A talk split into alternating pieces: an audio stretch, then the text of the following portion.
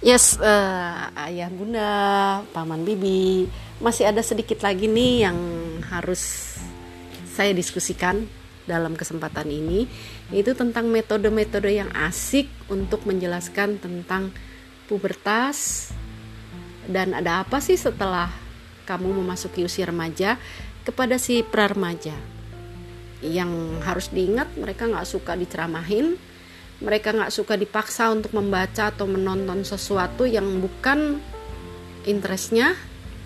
Terus mereka juga ah, nggak suka lah disuruh.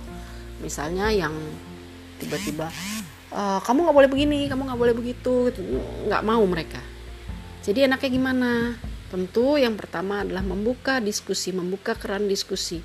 Anak pra remaja sudah boleh diperlakukan sebagai teman namun tetap dengan mempertimbangkan adab-adab yang berlaku.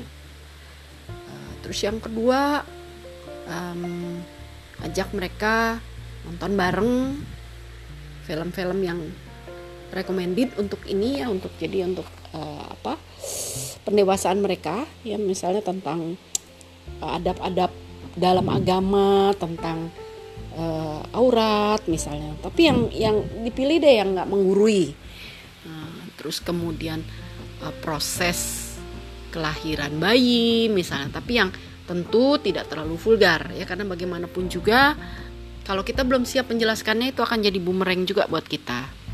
Terus um, ajak mereka baca bareng juga sama seperti itu prosesnya seperti itu. Terus uh, jangan lupa tetap uh, jadikan diri kita sebagai sosok yang nyaman untuk mereka curhat kalau kita sendiri merasa nyaman ngobrol dengan mereka, mereka akan nyaman juga dengan kita. Ya. Sekali lagi, mungkin tipsnya adalah jangan ngobrol sama mereka saat kita sendiri sedang tidak nyaman, saat kita sendiri sedang banyak masalah, sedang sakit misalnya, itu nanti jadinya meletus perang karena gampang banget uh, konslet hubungan antara orang tua dengan anak yang memasuki usia-usia pra remaja karena mereka sendiri sedang mulai mengalami badai badai dalam dirinya badai psikis dan badai fisik. Jadi mereka juga sedang sering merasa nggak nyaman sama diri mereka sendiri.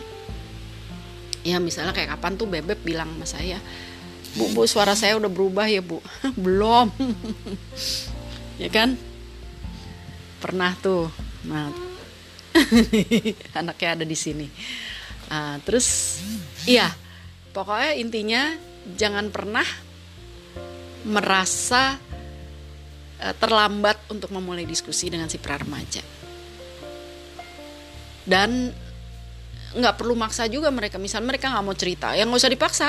Apalagi diancam. Biar aja nanti juga mereka cerita. Kalau mereka merasa nyaman dengan kita mereka akan cari kita.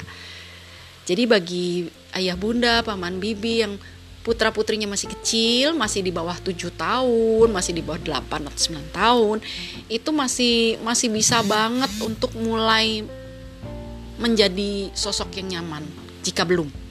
Tapi kalau sudah menjadi sosok yang nyaman, pertahankan. Itu uh, lovely banget ya anak-anak tuh udah gede-gede misalnya ya anak saya yang kuliah itu masih nyari saya kalau mereka uh, kalau dia mau bicara soal hati misalnya lucu ya. Ya bukan berarti kemudian saya bilang oh saya udah udah jadi sosok yang nyaman. Enggak juga karena kita kan fluktuatif juga ya. Tapi paling tidak eh, bonding antara anak dengan orang tua harusnya diasah dari atau dibentuk dibangun dari usia yang sedini mungkin nanti tuh sampai sampai tua bahkan mereka akan menjadikan kita sebagai tempat curhatnya. Bukan bukan tidak mandiri. Antara mandiri dan menjadikan orang tua sebagai sosok ternyaman untuk jadikan curhat itu beda. Ya.